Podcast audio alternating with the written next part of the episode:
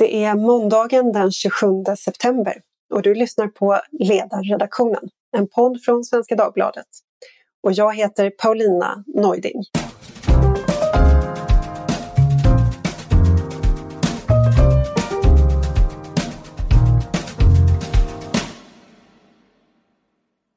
Det är november 1969 och det svenska semesterparadiset Marstrand, då nedstängt för höstsäsongen, har blivit flyktingläger.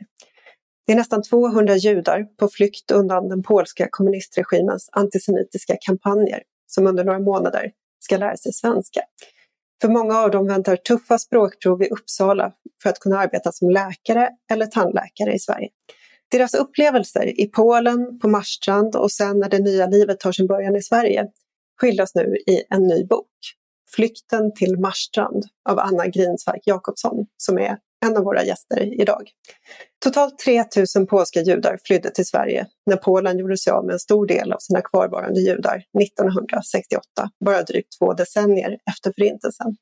Det är inte någon stor grupp jämfört med många andra minoriteter, men de som kom då och vi som tillhör den andra generationen, och här ska jag säga att jag själv tillhör denna andra generation, har ändå satt betydande prägel på Sverige. Vad betydde den polsk-judiska migrationen 1968 för Sverige? Vad kan den lära oss om integration idag? Och hur ser den polsk-judisk-svenska framtiden ut? Det ska vi prata om idag med Anna Grinsvark Jakobsson, doktor i fysik och författare till nämnda nyutkomna boken Flykten till Marstrand. Maciej Zaremba, författare och skribent som har skildrat samma flyktingvåg i boken Huset med de två tornen som kom 2018. Och slutligen Adam Sveiman, politisk chefredaktör på Göteborgs-Posten, författare till boken Så blev vi alla rasister. Och precis som jag själv, andra generationen av vad vi kallar 68-judarna. Varmt välkomna alla tre. Tack så mycket. Tack så mycket. Tack. Anna, om vi börjar med dig. Det här är ju ett speciellt skeende i Polens historia, i Sveriges historia som precis begynnande invandrarland och inte minst för de individer som du berättar om i boken. Vad, vad var det du ville skildra i, i din bok Flykten till Marstrand? Jag ville nog framförallt fästa uppmärksamheten på denna händelse. För jag, jag hade insett mer och mer över tid hur, hur okänt det var i Sverige. Eh, och då menar jag både det som hände i Polen, eh, alltså att judar blev fördrivna ur landet eh, under slutet av 60-talet.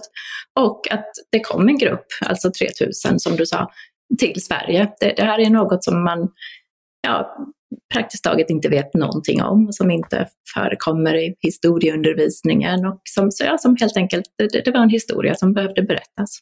Mm. Vi, vi, ska ta den här historien också på ett sätt som, som gör den begriplig. Alltså, vi har ett krig i Mellanöstern 1967 en stoppad pjäs av den polske nationalskalden Adam Mickiewicz, våldsamt nedslagna protester 8 mars 1968, ett tal av första partisekreterare Władysław Gomułka 19 mars och så en hel minoritet som börjar packa sina väskor för att lämna vad de ser som sitt hemland. Vad är det som händer i Polen 1968, Maciej? Oj. Ja, man kan väl säga så här att eh, kommunismen håller på att krackelera. Det märks ju tydligast i Tjeckoslovakien som alla vet. Alltså Dubček har blivit partisekreterare och man hoppas på någon slags socialism med mänskligt ansikte.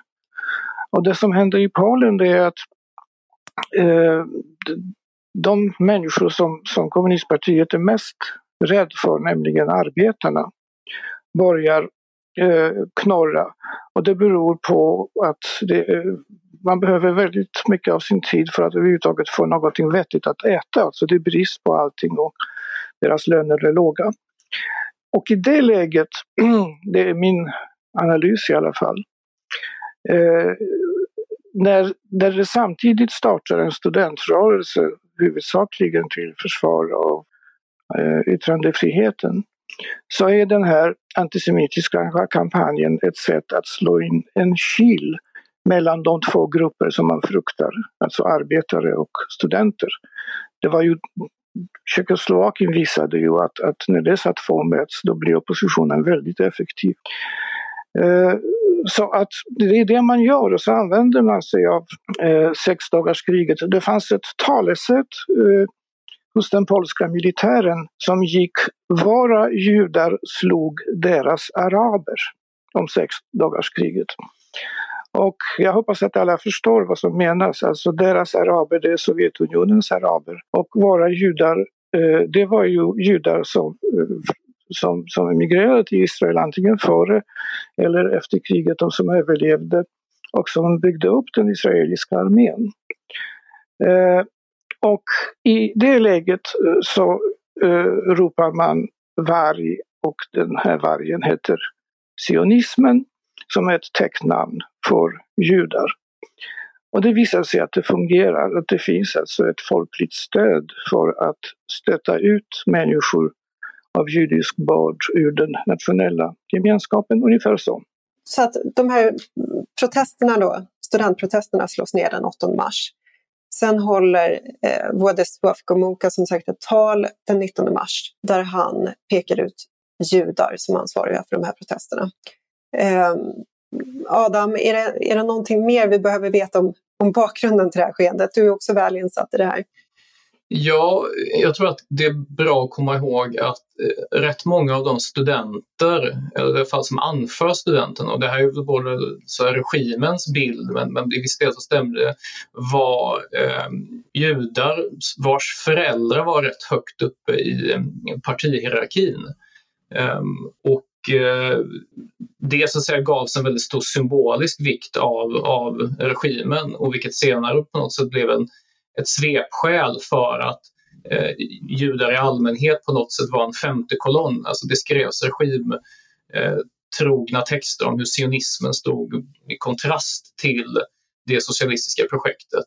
Mm. Och det var så man motiverade att, att, att, man hade en femte kolonn inne i statsmakten, inne i partiapparaturen. Mm. Eh, det ledde i och för sig till att personer som inte hade någonting att göra med partiet också eh, fick så att säga veta att nu, du inte önskad i det här landet längre. Ja, man pratade ju om Deutschgewander, alltså ett judiskt efternamn, Deutschgewanderna, de här mm. som, eh, som ligger bakom alltihopa. Um, Maciej, du är tonåring då i mars 1968. Vad är det du upplever när de här protesterna slås ner? Vad är det du ser för någonting?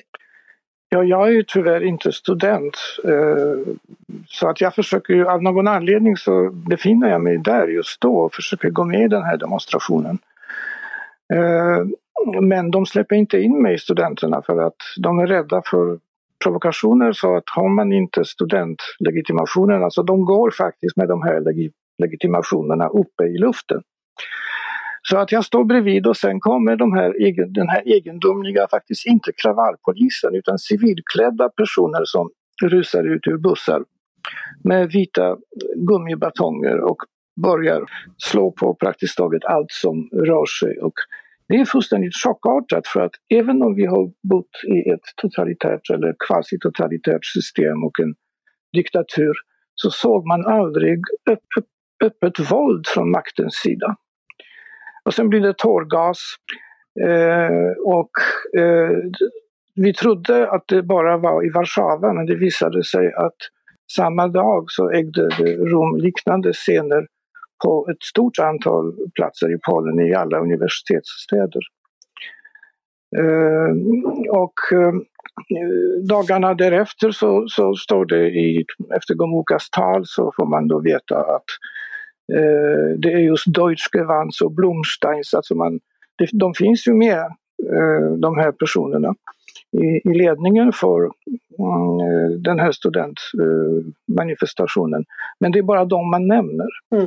Eh, och som, som Adam sa, eh, man pekar också ut söner eller döttrar till eh, framstående eh, partimedlemmar. Och då eh, heter de kanske någonting helt annat, de kanske heter Kowalski, men då säger de Kowalski, väl eh, Blomstein eller väl eh, Rosenberg. Så att jaha, det här är en person som har bytt mm. namn, han, han döljer sig under en Precis, och Kowalski det är som att heta Svensson ja. i Polen. Eh, Anna, du var en liten flicka när de här antisemitiska kampanjerna satte igång. Minns du någonting, minns du protesterna? Nej, nej, det kan jag inte säga att jag gör. Jag var ju sex år gammal, alltså 68, då var jag fem år gammal, så att, nej, det, minns jag inte. Eh, mm. Utan det här är ju så, sådant jag har lärt mig efteråt. Och när de här kampanjerna sätter igång, är det någonting som påverkar ditt hem och din tillvaro och samtalen mellan dina föräldrar till exempel? Ja, naturligtvis. Jag menar, det här var ju det, det, var ju en chock för, för dem som, som för alla andra. Eh, och jag tror att i början kanske man inte riktigt insåg allvaret. I början hoppades man att det här är något som kommer att blåsa över. Men, men eh, ja, tiden utvisade ju att så var inte fallet och, och det var ju en oerhört lång och plågsam tid när man skulle bestämma sig för, ska vi lämna landet och i så fall, vart ska vi resa? Det här hade ju en oerhört stor och det var ett tungt beslut för mina föräldrar och jag kan väl säga att många av dem som jag har intervjuat eh, eh, under arbetet med min bok eh, har ju förklarat att det var ett ganska, ganska enkelt och på sätt och vis ett ganska självklart beslut att man skulle lämna Polen. Men för mina föräldrar var det inte alls självklart utan det var, det var ett ganska plå, en plågsam process helt enkelt att bestämma sig. Ja, det här var ju generationen som överlevde Förintelsen och ändå hade sökt sig tillbaka till Polen. Ja, ehm, exakt. Jag tänker Maciej, det här var ju en väldigt välintegrerad, för att inte säga assimilerad grupp i Polen. Många visste inte om att de var judar. Eh, du var döpt, du hade gjort kommunionen. Eh, sen kommer din mor in på ditt rum med tre ord. Kan du berätta om det? Ja, hon kom in och såg blek ut. Och så sa hon bara, på polska blir det Wyjeżdżamy, jestem Żydówką. Mm. Det vill säga, vi måste härifrån, jag är judinna. Eh, du sa assimilerad grupp. Det, jag skulle egentligen inte säga så därför att redan hennes uh, morföräldrar betraktade sig som polacker.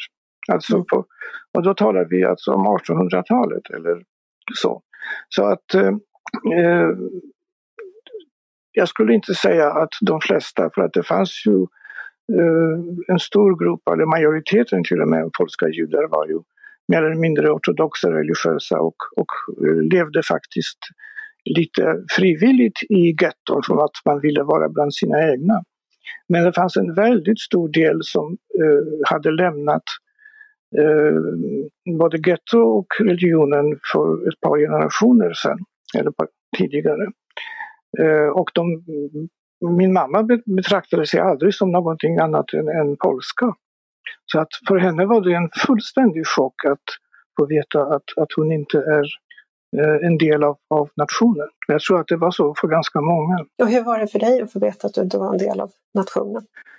Nej, alltså jag är ju en lättsinnig människa så att jag sa det, det, det där kan inte ni säga eftersom min, mina förfäder eh, eh var eh, red ner korsriddarna medan deras förfäder fortfarande tjänade som eh, som fotpall åt Timor Länk. Jag var oerhört mallig. Och jag kunde säga så här därför att, att min far hade uppfostrat mig i en, den polska riddartraditionen så att jag ansåg mig vara, eh, nu låter det ganska fånigt, men jag ansåg mig vara en bättre polack än någon annan. Ja, du, du tillhörde den polska adeln. Ja, alltså nu ska man... Ordet adel betyder ju någonting annat i Polen än i Sverige för att denna adel var ju så enormt stor. Alltså alla som eh, ägde jord eh, var ju mer eller mindre adliga. Eh, men men eh, självkänslan fanns där naturligtvis. Så att ingen kommunistdräng eh, skulle tala om för mig att jag inte var polack. Och det, var ju, det räddade ju mig, kan man säga, eh, ur en känsla av utstötning och förnedring som jag vet att många av mina jämnåriga drabbades av. Mm. Ja, jag, kunde, jag kunde svara med förakt. Ja. Helt enkelt. Vilka, vem är ni? Vilka är ni som ska tala om för mig vem jag är? Mm. Medan om man var uppfost, om, om man som några av mina jämnåriga redan i, på dagis eh, stötte på antisemitism och internaliserade den här blicken att man är någonting sämre och främmande. Då var det en helt annan mental situation. Hur var det för dig Anna? Visste du om att ni var judar? Oh ja, det har jag alltid vetat. Eh, och jag har alltid haft en stark judisk identitet. Alltså det, det, har betytt mycket för mig att vara judisk och jag har tidigt fått lära mig min familjs historia och alla, ja, alla upplevelser, alla flykter, alla, alla, alla umbäranden, inklusive förintelsen, men inte, inte alls enbart förintelsen. Så att eh, jo, för mig, för mig var det absolut eh, ja, en självklar mm. del av min, min identitet. Adam, du och jag har förstås lyssnat på både Swaf Gomokas tal eh, från 19, 19 mars i efterhand. Mm. Eh, vad tänker du när du hör det här talet? Alltså, jag, mina tankar leds lite grann iväg till... Eh, Sartre skrev en väldigt intressant bok om, eh, om judefrågan där han jag tycker på ett väldigt pregnant sätt förklarar någonting som är väldigt speciellt med antisemitismen. Och det är detta att eh, antisemitismen straffar inte bara judar för att de är judar. Den straffar även judar när de försöker dölja att de är judar. Mm. Och det här tycker jag Gomorka på något sätt eh, får fram för att han, han ser den här sionistiska liksom, eh, avsikten, ideologin. Och han ser den även bland de som försöker dölja den. Ehm, och, och det här omvandlas ju i praktik senare. Det vill säga att även de som inte vet om att de är judar ens varseblis att de är judar och straffas för det genom att förvägras medborgarskap och få en enkel biljett ut ur landet. Ja. Um, och, det tycker jag går igen i mycket antisemitism faktiskt. Just det här att det är inte bara, det straffas inte, det explicit judiska straffas inte enbart utan även det liksom assimilerade, det liksom knappt judiska överhuvudtaget. Mm. Ja, när man, när man lyssnar på det här talet så Gomorka han säger ju att ja, det har kommit till vår kännedom att det finns personer här i Polen som känner starkare lojalitet med Israel. Och dessa sionister, de ska veta att de det kommer inte stå i vägen om de vill åka härifrån och så vidare. Det är väldigt försåtligt alltihopa. Väldigt hatiskt. Eh, under tiden medan det här pågår så finns det en svensk ambassadör i Warszawa som heter Erik Kronvall som börjar kämpa för att polska judar ska få visum för att komma till Sverige. Eh, den här historien kände jag inte alls till förrän jag läste om den i din bok, Anna. Kan inte du berätta vad det är han gör för någonting, Erik Kronwall? Mm. Ja, nej, det här är en väldigt, en ännu mer okänd historia. Eh, vad som händer är att Erik Kronwall får, med, med, ja, med start eh, i mars 68 så alltså får han och över tid ökar ökar antalet. Han får ett antal besök av, på sin ambassad av polska judar som vill, som vill ha visum till Sverige, som undersöker möjligheten att emigrera till Sverige. Eh, och, och då, ska man, då ska jag också förklara att Erik Kronvall är mycket väl insatt i vad det är som händer och han ser i klartext att det här är en antisemitisk kampanj. Han skickar, har, har sedan, sen starten skickat utförliga rapporter hem till Sverige där han beskriver precis vad som händer och analyserar på ett väldigt korrekt sätt eh, de här underliggande drivkrafterna och att helt enkelt judarna används som, som syndabockar. Um, han får fler och fler förfrågningar om visum. Han, han, uh, han kan ju inte ensam ta dessa visumbeslut utan han måste ansöka om detta i, hos, i Sverige och han blir nekad. Uh, man, man, man godkänner inte, inte visum, att, alltså att ge, ge visum till polska judar. Eh, ett, kanske ett ytterst litet fåtal, men, men absolut inte tillräckligt utifrån som det stora behovet. Men Kronwall kämpar. Eh, han, som sagt, trycket på honom ökar. Eh, han, han, beskriver i brev efter brev, han skickar telegram, han skickar rapporter där han beskriver hur, många det är som, som kommer till honom dagligen och, vill lämna Polen. Han för, förklarar hur omöjligt det är för judar att, att leva i Polen. Eh, och, och, det här är en kamp som, som alltså pågår i, i över ett år. Eh, där han skickar ja, diverse påtryckningar hem till, till Sverige. Mm. Eh, först, först sommaren 69, alltså när den kampanjen har pågått i över ett år, då beslutar sig Sverige för att utfärda eh, visum, att ta emot polska judar som, som politiska flyktingar. Eh, och det beslutet eh, är baserat till stor del på att Danmark eh, ungefär då har bestämt sig. Så att sommaren, sommaren 69 bestämmer sig Danmark för att ta emot polska judar och bara någon vecka senare bestämmer sig Sverige för att följa efter och göra likadant. Mm. Eh, men som sagt, ambassadör Kronwall har en oerhört stor del i det här svenska beslutet tack vare att han, han, han förde den här långa, långa, långa visumkampen. Du har också intervjuat flera personer till din bok. Eh, var, var, det så att man valde Sverige? Eller blev det Sverige av nödvändighet därför att Sverige var ett land som öppnade sina gränser? Ja, men det var, det var nog lite, lite olika här. Alltså det, det, det som är den gemensamma nämnaren kan man väl säga att, är att eh, många förstod kanske inte ja, avgörande skillnad mellan Sverige och Danmark. Eh, men man ville, man ville vara, vara kvar så nära som möjligt. Det, det, det är väl en eh, drivkraft som gjorde att många valde Sverige och så var det för mina föräldrar också. Man ville, min mamma hade sin släkt kvar i, Sovjetunionen till exempel och många lämnade ju kvar sina släktingar i Polen. Eh, hade man emigrerat till Israel så, så förstod man att det skulle vara praktiskt taget omöjligt att någonsin kunna återvända och hälsa på. Man ville, man ville hålla sin nära. Eh, och det var en anledning till att många valde Sverige. Eh, sen naturligtvis så hade man ju ändå en bild av att Sverige var ett, ett välmående land. Eh, och en sak som jag vet i alla fall mina, som hade gjort ja, stort intryck på mina föräldrar, det var ju att Sverige hade haft fred så länge. Danmark mm. var ett land som, som trots allt hade varit, eh, blivit ockuperat under kriget, men Sverige hade hållit sig utanför och ja, haft fred så oerhört länge. Så det, det bidrog också till Sveriges attraktionskraft. Matje, jag vet att, att ni kom till Sverige, det berodde på ett missförstånd från din, från din sida. Du trodde att Ibsen var svensk. Ja, men hela mitt liv eh, är bara ett pärlband av missförstånd och tillfälligheter. det, det, är en väldigt rolig scen i din bok när din mamma säger så här, vad, jag minns inte exakt hur, men hon säger vad ska vi göra i Sverige? Vad, vad, har Sverige haft för stora författare eller liknande? Och så säger du, ja men Ibsen. Ja, och jag är glad faktiskt för det här misstaget. För att eh, jag hade inte velat eh, bo i Norge. Det är en stor skillnad. Men jag ska säga att, att eh, det är precis som Anna säger att, att eh, de flesta människor som emigrerade den gången har aldrig varit utomlands hade otroligt dimmiga föreställningar om hur det såg ut eh, i Sverige eller i, i Danmark. Eh, och, men jag tror att skälet till att så många hamnade här och i Danmark, det var ju att det var inte så lätt att få visum alltså, till Frankrike eller till Schweiz eller till USA. Eh, utan, utan i och med att Danmark öppnade sina gränser, de sa faktiskt att de tar emot alla. Och sen gjorde eh, Sverige samma sak så blev det på det viset.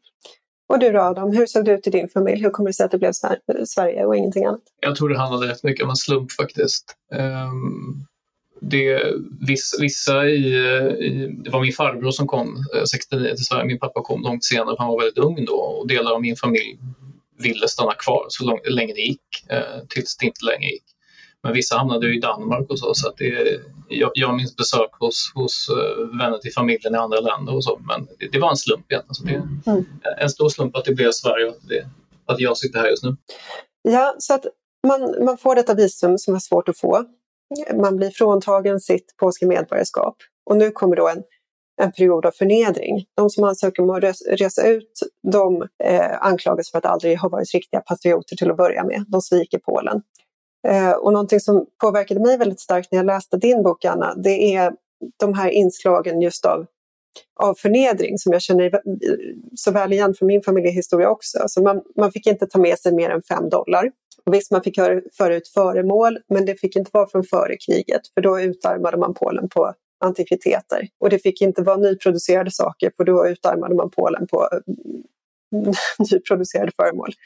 Och en sak som då för mig var väldigt gripande det är eh, att man fick lista sina eh, föremål som man tog med sig och visa upp i tullen och riskera liksom förnedring av eh, tulltjänstemän. Och då är det Jurek Hirschberg, en person som du intervjuar i boken, som idag är översättare mellan polska och svenska, som eh, tar med sig en förteckning över alla sina böcker som han ansöker om att föra ut till Polen. Och det är polska klassiker. Det är Julian Tuwim, det är Adam Mickiewicz, det är eh, för övrigt också Strindberg. Eh, men det, det, är liksom en polsk bokskatt på det polska modersmålet som den här litteraturälskande människan ber om att få ta med sig när han kastas ut ur landet. Det tyckte jag var väldigt gripande. Man kan, ja, man kan också tillägga att det var, det var inte enbart en förnedring, det var, det var ju också en, en, eh, ja, en utarmning. Alltså man, blev, man blev ju bestulen på, på allt man ägde eftersom man inte kunde ta med sig värdefulla föremål. Så alla besparingar och allt värdefullt man eventuellt ägde, det tillföll ju polska staten. Mm. Så vi blev ju rånade. Mm. Om vi ska titta på Sverige då. Eh, man, kom fram till Sverige. Anna, ni kommer till Marstrand. Vad, vad, är det som möter er där? ja, eh, vi kom, vi kom för, allra först till Malmö eh, och där bodde vi på hotell några nätter. Eh, och sen fick, eh, blev vi då transporterade till det här nyöppnade lägret på Marstrand. Ehm, jag menar Marstrand är ju, för, för, för de som, som, som inte känner till Marstrand, eh, det, det är ju en, en bohuslänsk klippö. Ehm, en väldigt idyllisk sådan, särskilt på sommaren med små trähus. Ehm, men vi kom dit i november när höstvindarna piskade och allt var kallt och grått eh, och sommargästerna var borta. Eh, det, det, det, var ju en chock att komma till, till ett sånt här ställe. Mm. Och, och, som några personer i, i, min bok berättar att det kändes som att man hade skapat ett getto där man placerade alla judar på, på en liten ö så, som inte ens hade någon, eh, någon ordentlig förbindelse med, med fastlandet, eh, bara en pytteliten färja. Ehm, så att eh, ja, det, det, var, det var en bisarr upplevelse att, att komma, komma till det här stället. Hur länge var ni där? Eh, de flesta var där över vintern och fram till, till ja, vintern och våren. Eh, så att lägret startade i november och det upplöstes i månadsskiftet maj-juni, alltså när, när sommarsäsongen startade och, och sommargästerna skulle, skulle in. Mm. Och då var det intensivkurs i svenska och då var det som sagt många som skulle eh, ta det här testet för läkare och tandläkare i Uppsala efteråt. Ja. Klarade de det här testet i allmänhet? De allra flesta gjorde det. Mm. Eh, och det här var ju otroligt kvalificerad och intensiv svenska undervisning som, som bedrevs på Marstrand. Och, och, och just det här Marstrandslägret var ju lite speciellt för det var ju, det var ju ett, eh, ja, ett extra intensivt, en extra intensiv svenska kurs som man erbjöd just eh, läkare och studenter eftersom, och tandläkare eftersom Sverige hade läkarbrist. Mm. Så man såg det här som arbetskraft man gärna ville, ville få, få, få ut i arbetslivet så snabbt som möjligt. Maciej, du minns inte din sista dag i Polen, skriver du i boken. Eh, och din bok slutar med första dagen i Sverige. Vad, vad hände sen? Sen? Du menar den andra dagen i Sverige? Precis, vad hände den Eller, andra dagen i Sverige? Ja, innan jag kommer in på det så ska jag bara säga att eh, alltså individerna har ju spelat roll i den här historien. Vi har nämnt Erik Kronvall som jag tycker ska verkligen hedras stort av också barn och barnbarn till de som kom hit. Men det fanns en annan person vars namn jag tyvärr har glömt, men Anna kanske har, kommer ihåg det. Det var en tjänsteman på länsarbetsnämnden som hade uppvaktat regeringen med följande budskap att här kommer det eh, en väldigt massa utbildade och högmotiverade flyktingar. Vi måste erbjuda en mycket speciell och snabb integrationskurs för dem. Och jag tror att Marstrand var det, så det var hans idé och det var han som hade genomdrivit det. Och jag tror att han heter någonting sånt som Nilsson eller Karlsson. Men eh, jag träffade honom i Warszawa när vi skulle minnas 50-årsdagen av 68 och då var han ju, blev han ju väldigt hedrad där av eh, de som hade rest dit. Mm. Ja, vi blev ju väldigt väl mottagna, fast jag förstod inte av vem. Alltså jag var ju eh, 18 år. Eh, och placerades, liksom flera andra tydligen, på hotell Gustav Vasa eh, vid Odenplan. Så att eh, som flyktingläger så var det ju ganska fint får man säga. Eh, och eh, därefter, efter två veckor så fick vi en lägenhet i Västerhaninge och omedelbart en intensivkurs i svenska av en kvalitet som du inte hittar idag. Så att det är möjligt eh, att, att lära folk svenska på sex månader om man eh, kör sex, eh, sex timmar om dagen.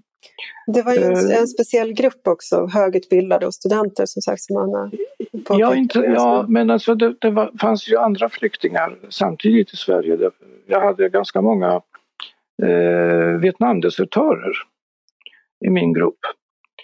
Eh, för att eh, Sverige gav ju asyl åt, åt eh, amerikanska soldater som, som inte ville till Vietnam.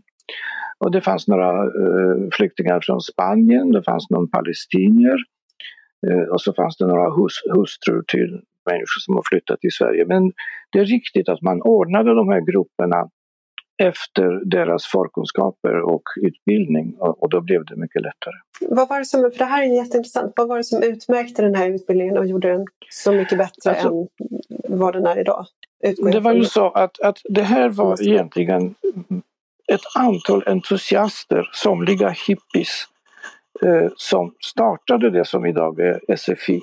Anders Bodegård, eh, alltså översättaren, Wisława Szymborskas eh, översättare, var en av dem. Eh, och de hade aldrig haft någon, de var lingvister, de var eh, kanske mm, svensklärare, men de var unga, de var entusiastiska, de tyckte att det här var oerhört viktigt.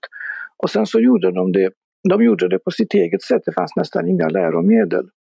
Så att vår lärare som heter Jonas Wall, jag hoppas att han lyssnar på det här, han var en hippie som var helt förälskad i Frankrike. Han hade en stor Citroën, sån här eh, mm, padda, eh, herrgårdsvagn och han stoppade hela klassen i den här bilen och körde omkring med oss i Stockholm och visade oss Skansen och Riksmuseet och Naturhistoriska museet och allt som fanns att se och sen så satt vi hemma hos honom och drack vin och sjöng. Detta var min eh, svenskundervisning och han hade också en idé om att man behöver inte lära sig substantiv.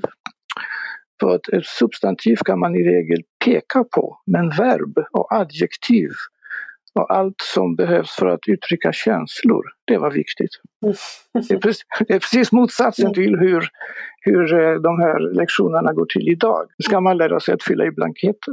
Jag måste fråga om det här med Pippi Långstrump också. Anna, du tar upp eh, att det ledde till konflikter när ni fick läsa Pippi Långstrump på Marstrand. Eh, jag har hört det här från min egen familj också och då från liksom, alla i familjen på skilda sätt. Alla var på något sätt upprörda för att de fick läsa Pippi Långstrump. Eh, jag pratade med min mamma om det här som tyckte att Pippi Långstrump var otäck för att hon eh, gjorde smet på golvet med en skurborste. Och, och jag fick tillfälle att fråga min morfar också, vad, vad var det som var så upprörande med att ni fick läsa Pippi Långstrump på SFI? Och han sa att det var, det var ett obehag i att komma från en dysfunktionell diktatur till ett välfungerande land och där behöva läsa om en flicka som lurar polisen. Det, det var någonting med det som liksom krockade med hur han såg på Sverige. Eh, hur var de reaktionerna som du har Ja, ja, ja, eh, personer jag har intervjuat nämner ju det här med Pippi Långstrump, eh, men kanske mer som att dels att några tyckte att det kändes eh,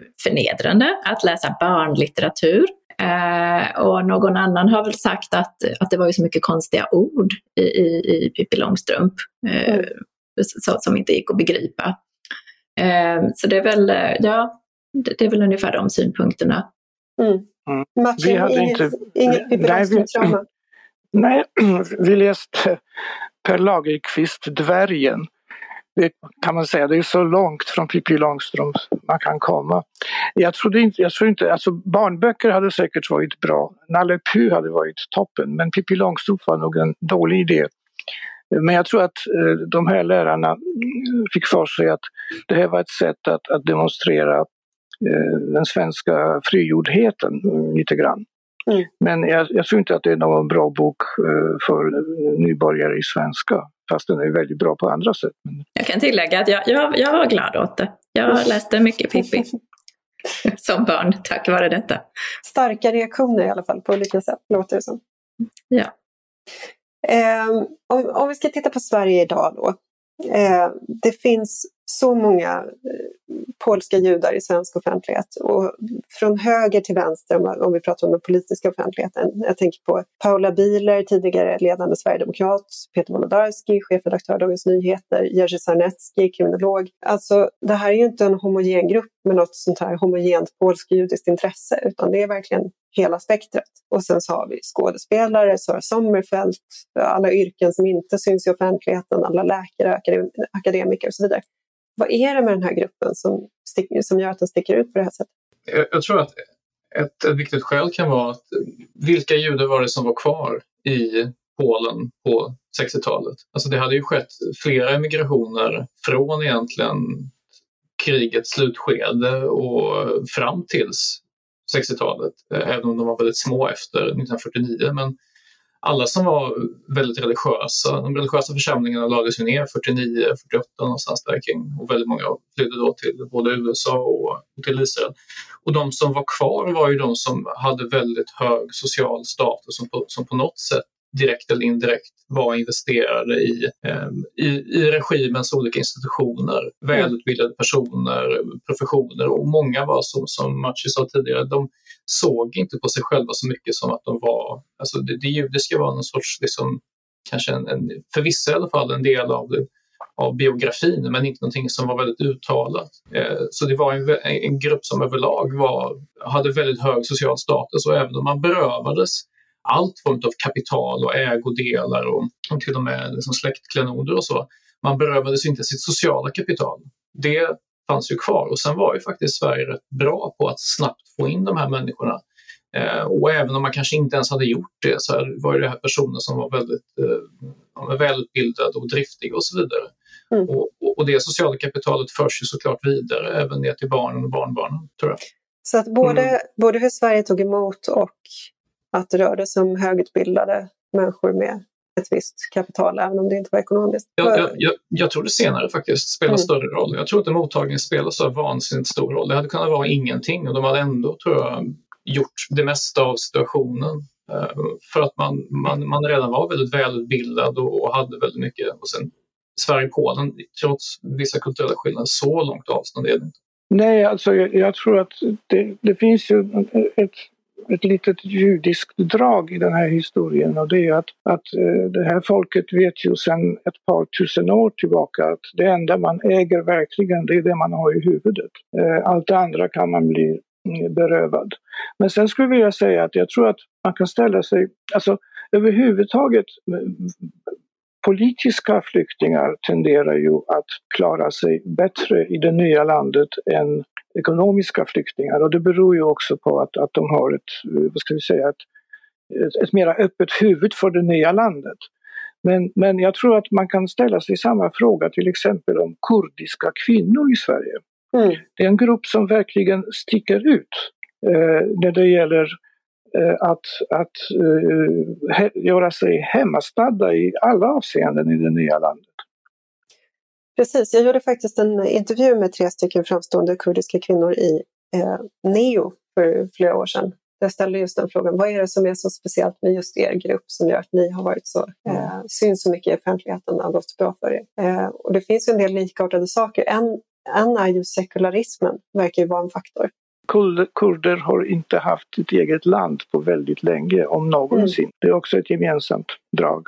Det finns en vana av att integrera sig i nya ja, sammanhang. Mm. Man är alltid en minoritet och det är okej. Okay. Man kan ju notera också att den påskjudiska gruppen, det fanns vissa krockar med den judiska församlingen i Sverige, eller judiska gruppen i Sverige. Anna, som du noterar i din bok också. Mm. Ja, det, det, här är ju något som för mig blev kanske den allra största överraskningen under arbetet med boken. Jag hade inte insett eller känt till hur, hur, att, att krocken mellan de polska och de svenska judarna, det var, det var nog den största kulturkrocken som ägde rum i Sverige. Eh, och, och, och, vad som hände var ju alltså att Eh, Eh, svenska judar, eh, bara, alltså de judiska församlingarna helt enkelt, eh, var ju per definition eh, praktiserande. Eh, de firade judiska högtider. Eh, medan polska judar visste i stort sett ingenting om, om religiöst judiskt liv. Eh, som vi sa tidigare, de, de religiösa judarna hade ju redan hade ju lämnat Polen för länge sedan och de som var kvar i det kommunistiska Polen var icke-religiösa helt enkelt. Men de flesta ja, man firade inte i sabbat, man kände inte till någonting om, om vilka regler som gäller, man hade aldrig varit i en synagoga och så vidare. Och, och det här är något som de svenska judarna inte, inte förstod, inte alls kände till, utan de, de förutsatte att är man jude så, så har man ju någon slags basala kunskaper om vad som gäller när man till exempel besöker en synagoga. Och så det, här, det här blev en jättestor kulturkrock. Det, jag får gärna fylla i att, att jag, jag, tror att den här eh, alienationen, för vissa var det nog en alienation att man inte kände att man var å ena sidan judisk och definitivt i den polska regimens ögon var man ju väldigt judisk. Eh, men samtidigt i en, i en annan miljö så framstår man mer som udda, lite östeuropeisk och polsk. Att det, det här kan jag uppleva att även med, genom generationerna så fortsätter det här. Jag, jag kan själv känna en sån viss alienation gentemot den, liksom, de judiska församlingarna i Sverige och, att jag känner med någon sorts närhet till den här lite amorfa, polsk-judiska, ja, men märkliga kombinationen. För att många av de som mm. flydde, de var ju väldigt polska och många av dem, vissa hatade Polen och ville aldrig återvända dit, men vissa av dem hade väldigt starka känslor för Polen och kanske till och med ville återvända och resa tillbaka när, de väl, när gränserna väl öppnades och det blev lättare. Eh, och det är, så här, man är en minoritet inom minoriteten och det tror jag mm. utmärker en del inom den här gruppen. Definitivt min familj. Ja, det här med att resa tillbaka till Polen, hörni. Det, alltså, det som har hänt sedan 1968 det är att vi har fått en helt ny situation med antisemitismen i Sverige. Vi vet hur det ser ut i Malmö. Eh, när Uppdrag granskning skickade in två reportrar i Rosengård 2015 med judiska symboler så blev de inte bara utjagade ur området, de blev utjagade i liksom en, en slags en samfälld attack av flera boende. Det gick sms-kedjor genom området att man skulle kasta ägg från fönstren och så vidare. Um, så det här är en helt ny situation. Många svenska judar är rädda för framtiden och det händer att man sneglar på Polen som en tryggare plats. Jag, jag vet att det här är en diskussion som har förts i din familj till exempel Adam. Kan inte du berätta om det? Mm, ja, men jag tror att för, för, en del så är Polen helt otänkbart för att Polen var landet som, som, som kastade ut oss och märkte ut oss och hatade oss och, och man sa föraktfullt att antisemitismen kommer med modersmjölken och så vidare. Um, men trots det så, så en del har väldigt starka känslor för Polen och i vissa fall så i alla fall i min släkt, den var inte bara judisk, den var också polsk eh, och, den var ukrainsk också. Min pappa han flyttade tillbaka till Polen eh, 97. Han kom visserligen så sent som 82 för att han var för ung för att resa 69 och han, han stannade med sin syster som sedermera emigrerade också visserligen. Men, men då ser man nog att Polen, ja med alla sina brister, har i alla fall inte den här grasserande våldsamma antisemitismen som ju faktiskt finns i Sverige. Jag tror i synnerhet runt 2015-2016, eh, alltså när terrorattackerna i Frankrike och så, då, då förde i alla fall vi rätt liksom, långtgående samtal om vad, vad händer om det här eskalerar? Är inte Polen i så fall ett bättre land att barn växer upp i? Och det, det, det låter ju helt världsfrånvänt på ett sätt. Sverige är ju ett tryggt, fint, bra välfärdssamhälle men, men jag tror att om någonting lär en av eh, den här historiska erfarenheten så är det att, att det kan vända rätt snabbt och, och den erfarenheten har judar. Um, ehm, och då kan det oväntade, liksom det. Polen blev ju ett, en tillflyktsort för judar eh, liksom för omkring tusen år sedan när Västeuropa kastade ut dem. Så varför inte igen? Även om det är högst teoretiskt. Anna, hur tänker du när du hör det? För, för mig känns det som en, en hisnande tanke att, eh, att eh, Polen skulle framstå som ett mer attraktivt land än, än Sverige. Men, men eh, jag utesluter kanske inte att jag har hemskt svårt att föreställa mig att jag själv skulle resonera så under min egen livstid, men kanske, kanske i någon slags framtida förlängning så, så är det väl, ser jag det inte som ett helt otänkbart scenario. Mm. Jag vet att du reagerade väldigt starkt på ett uttalande av Björn Söder, Sverigedemokraterna, när han eh, förde ett resonemang om svenskar och judar och judiska svenskar. Eh, berätta. Ja, alltså, jag menar hela den här debatten om att, att judar, man inte kan vara både svensk och judisk samtidigt, eh, den är ju, den är ju ett exakt, eh, en exakt eh, replikation, ett exakt eko av, av, av retoriken i, i Polen. Det, det, var ju precis det man sa, det var ju precis det Gomulka menade. Man, är, man, är man sionist, vilket eh, alltså betyder jude, ja då är man inte lojal med Polen, då är man inte en äkta polack. Så det, det är ju precis vad Björn Söder säger. Är man jude så är man inte svensk. Maciej, var det din tolkning också? Uh, ja visst, det, det, var ju naturligtvis, så att säga, ränderna bleknade inte. Men den här idén om att man skulle ta, ta skydd i Polen, den, den finner jag eh, väldigt eh, långsökt. Det är ju det är ju så att uttrycken för antisemitism har väldigt olika förtecken i, i Polen och i Sverige idag. Men det är inte så att det inte finns en, en djupliggande antisemitism också bland svenskar i vissa grupper och så. Men, men det är ju helt eh, tabubelagt i offentligheten. Så vad vi har att göra med är ju till stor del, inte bara, men till stor del importerad eh, från Mellanöstern antisemitism. I Polen är det någonting annat. Där är det nästan en del av kulturen. Eh, inte minst kyrkan drar sig inte för att eh, sådana här anspelningar, åtminstone vissa eh, präster idag. Eh, och jag skulle ha lite svårt, för jag har svårt varje gång jag ska bo på hotell i Warszawa, fast jag gör det väldigt ofta eftersom det här hotellet där jag bor eh, ligger vid en korsning som är uppkallad efter Roman Dmowski eh, som var en slags polsk Mussolini eh, och vars eh, national nationalistiska ideologi huvudsakligen byggde på antisemitismen. Om man tar bort antisemitismen ur, hans tankevärld så, så faller tankevärlden samman. Och det är eh, inte, eh, alltså jag kan inte påstå att det är okontroversiellt i Polen, men om du skulle försöka döpa om den här eh, rondellen efter någon, med ett annat namn så skulle det bli våldsamma protester. Så att eh, jag tror att vi talar om väldigt olika situationer. Men det, det, det, är ingen, ingen rondell attackerar människor. Och det är väl det som är den väsentliga skillnaden tror jag mellan de här olika karaktärerna på antisemitism i Sverige och Polen. Att i Sverige så finns det en fysisk, en existentiellt hotfull antisemitism. Om man rör sig i fel områden, ja men ska man ja, tänka så? Precis, ja, om man rör sig i fel områden. Ja, alltså jag, jag, nu tror inte jag att Björn Söder uh, har några jättebra avsikter när det kommer just till nationalitetsfrågan. Han vill säkert se uppdelningar och så vidare. Men faktum är att det snurrades till av att han nog syftar på att vi har ett antal nationella minoriteter i Sverige, varav judar är en sådan grupp just med i lag säkerställd möjlighet att vara en frånskild nationalitet med de rättigheter och privilegier det faktiskt innebär. Ehm, och man kan ju vara emot det och anse att det, det, finns ingen, det ska inte finnas någon sorts liksom, i lag särskild grupp med vissa privilegier. Judar är inte en, det är även eh, romer och tornedalsfinnar bland annat.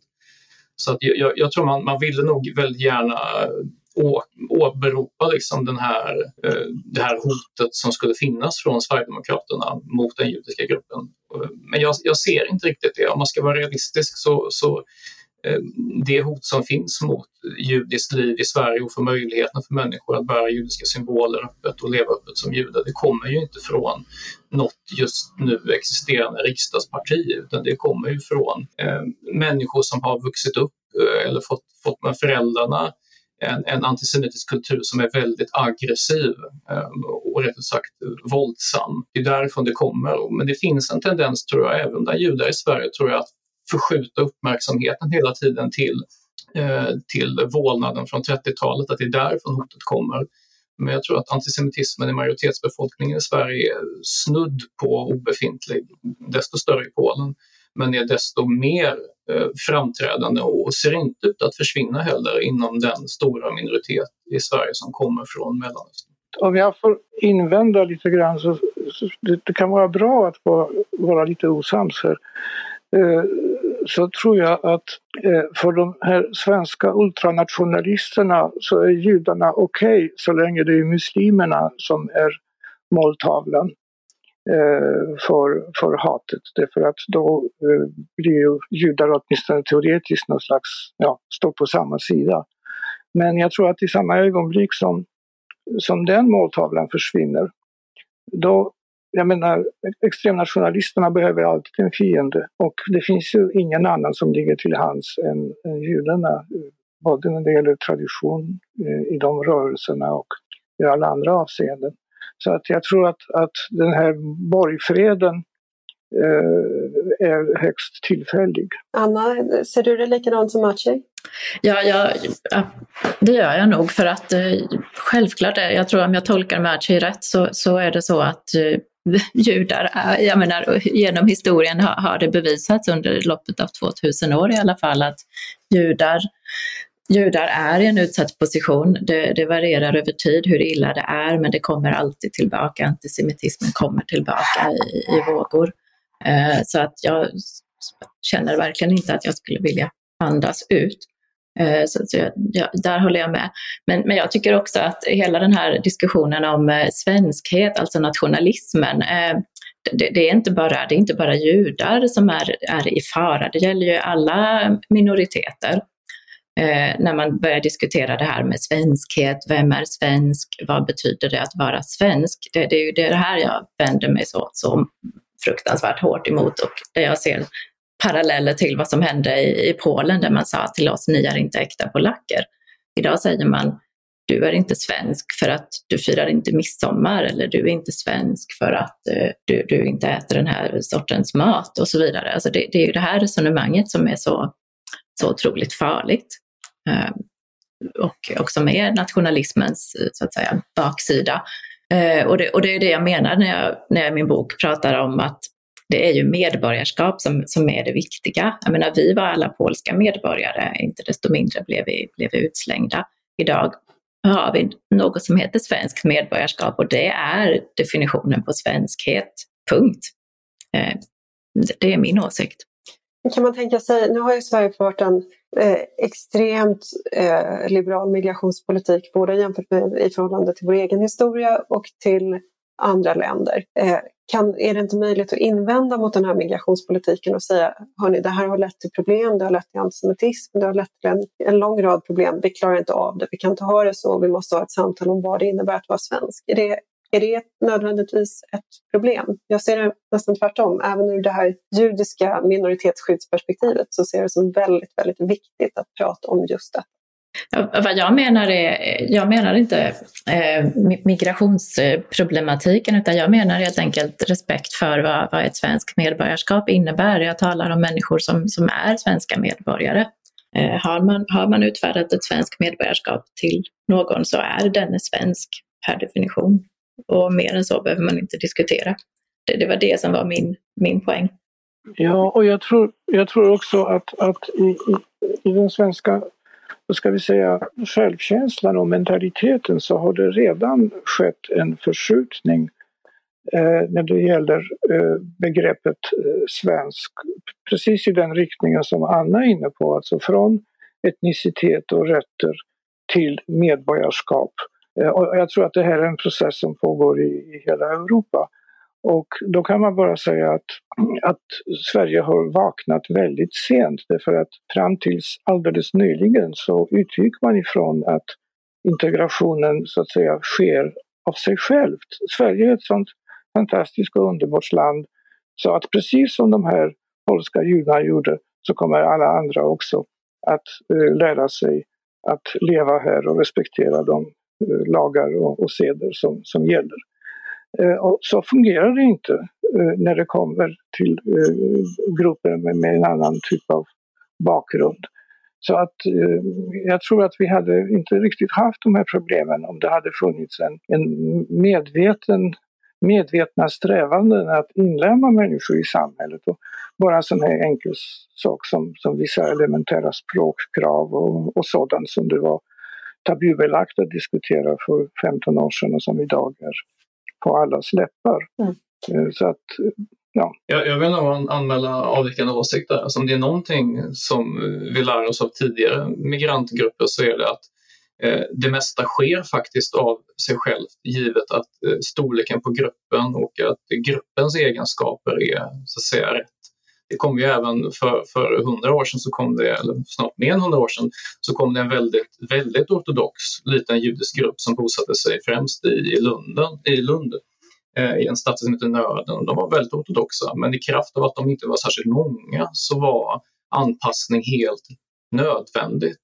Och, och, jag tror inte det att Sverige har vaknat till att det kanske behövs en omdefiniering av svenskhet eller ställa högre krav och liknande. Det där, det där spelar rätt liten roll utan det, det är faktiskt eh, så att säga, vilket möte med samhället får de här människorna? Hamnar de i ett sammanhang där de är i majoritet eller minoritet? Och nästan alla som kom 69, de hamnade någonstans i en miljö där svenskar var i majoritet och då fanns det inte så mycket val annat än att bli en del av det samhället. Sen tror jag man ändå behöll en en, eh, så att säga, hemlandets eh, värderingar och seder och liknande. Men det, det, är naturligt och det är självklart bra. Ehm, men den främsta lärdomen är att det fungerade annorlunda, inte för att det svenska samhället var särskilt annorlunda faktiskt, utan bara för att omfattningen inte var så stor på invandringen och det är en stor skillnad mellan idag och igår. Ja, men alltså när det som hände för 50 år sedan, att integrationen gick eh, av sig själv, därför att man praktiskt taget alla mycket snabbt fick en svensk vän eller bekant eller så. Eh, det, jag håller helt med dig, men, men när migrationen blir massiv då får man ju se att de här mötena äger rum i alla fall, fast nu har det blivit mycket svårare.